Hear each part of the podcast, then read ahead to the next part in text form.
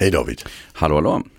Vi håller på att gå igenom Tidöavtalets vi. skoldel. Yes. Ja, Och nu har vi kommit till det som heter förbättrad kunskapsuppföljning. ja precis. Och, Ja. och ehm, under den lilla rubriken ehm, som är en del av de här reformförslagen som vi håller på att gå igenom eh, så står det bland annat införandet av då förbättrad kunskapsuppföljning.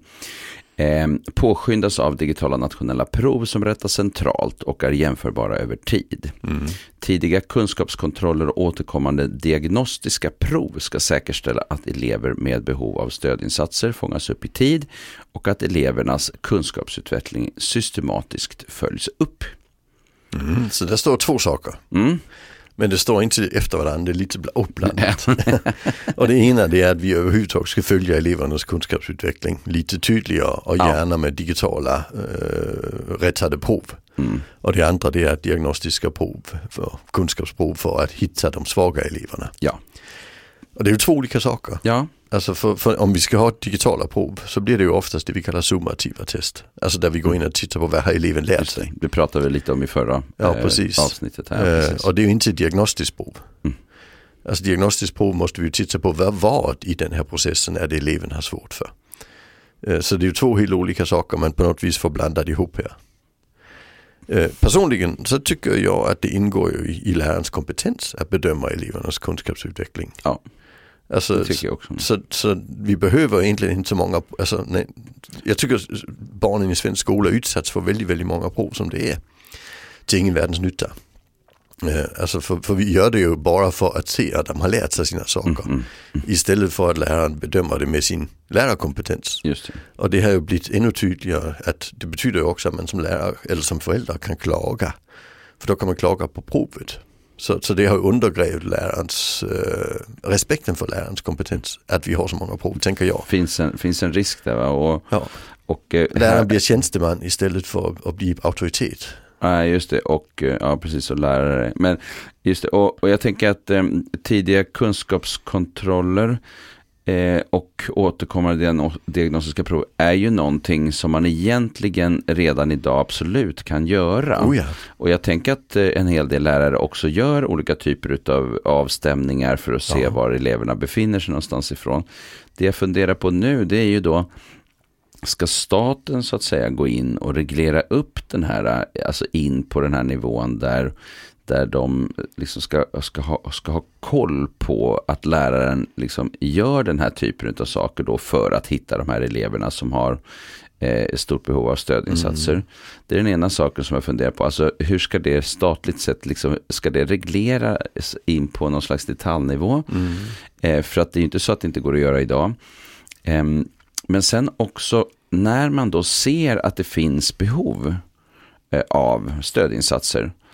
Ska det då också vara så att man går in och kollar om det verkligen ges, på vilket sätt det ges och, eh, och, och så vidare. Och eh, eh, där jag får liksom inte riktigt ihop den där skrivningen på ett, på ett bra Nej, sätt. och jag tänker också det att ett av grundmålen var att höja läraryrkets status. Ja, Eh, Och, och det blir ju inte höjd av detta. Att man, det, det, bygg, det ligger ju i detta en, en misstro till det ligger en misstro i bedömningsförmåga. det. Ja, precis. Och det är ju aldrig någonting som är gynnsamt för, för eh, känslan av att man har lust att gå in i ett yrke om det finns väldigt, väldigt mycket regleringar Nej. eh, på, på ett liksom eh, eh, utifrån idén om misstro. ja precis. Nej.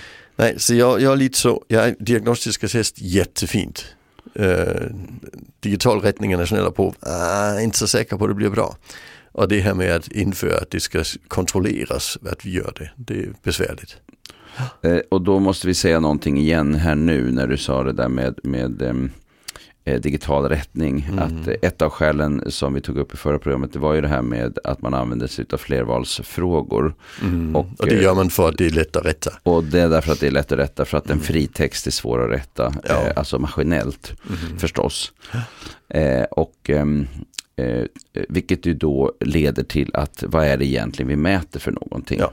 Vad är det liksom som blir intressant? Precis. Och jag tänkte att ehm, en gång i tiden, alltså när jag gick i gymnasiet så var det ju delvis en annan kunskapssyn. Ett historieprov eh, 1987 eh, jämfört med eh, eh 2022 är ju helt olika saker i gymnasiet. Mm. Eh, just den här förmågan att liksom eh, hitta eh, de här parallellerna, att dra, eh, göra slutledning, jämförelse mellan andra eh, processer. Och, alltså det är mycket, mycket mer avancerat typ av tänkande. Den typen av prov jag hade var ju eh, liksom eh, vilka grupper stod emot varandra i det här och det här kriget. Alltså det var mycket, mycket Mer den typen av faktakunskaper. Som hade varit lätt att mäta digitalt. Och den hade varit lätt att mäta Ja. digitalt och då tänker jag att det som man eh, gör om man liksom driver den här frågan till sin spets det är ju att, att eh, man frågar sig Kommer vi verkligen att få en kunskapsutveckling i vårt land som överensstämmer med det behov som finns i vårt land Mm, av kompetens? Av jag har faktiskt globalt. svårt att se det i att vi ska gå tillbaka till att man ska liksom eh, veta vilka hunnerna var eller något liknande. Alltså Mm. bara, eh, alltså varenda liten sån här grupp som stod emot varandra i olika Precis. sammanhang. Ja, eh, utan det, det, det, det är så komplext med, med kunskap och bildning. Ja. Ehm, så att, eh, ja, där, Jag, jag kan tycka det, det är vissa ämnen där vi kan säga att ja, men vi kan göra digital, alltså det, vi kan göra det i, i alltså stavning till exempel.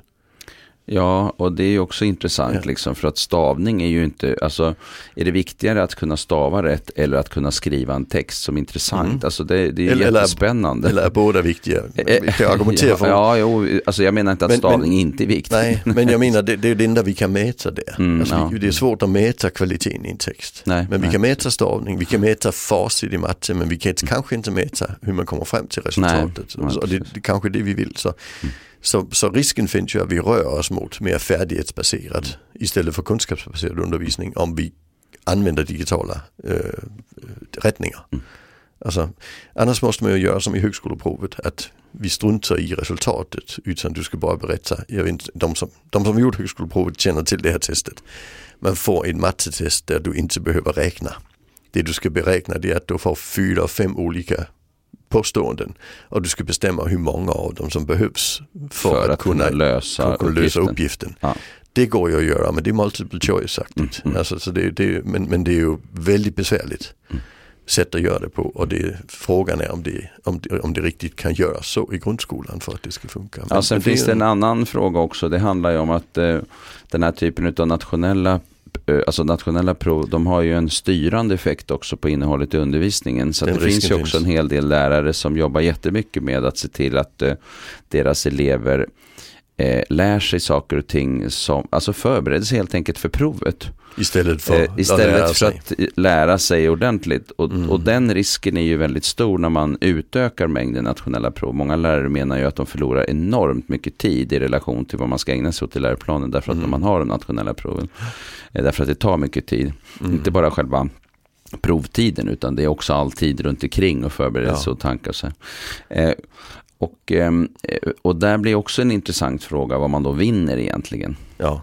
Mm. Jo, det är en stor fråga. Det här, alltså är det kunskap, är det bildning, är det färdighet som, Mm. som, som egentligen spelar igenom i, i hela, hela den här diskussionen vi har med varandra. Mm. Så är det. det är spännande. Ja, ja. Ja. Vi avrundar där och Ja. eh, nästa gång ska vi då prata om det här med förslaget om fler speciallärare och fler elever i särskilda undervisningsgrupper. Yes. Ja.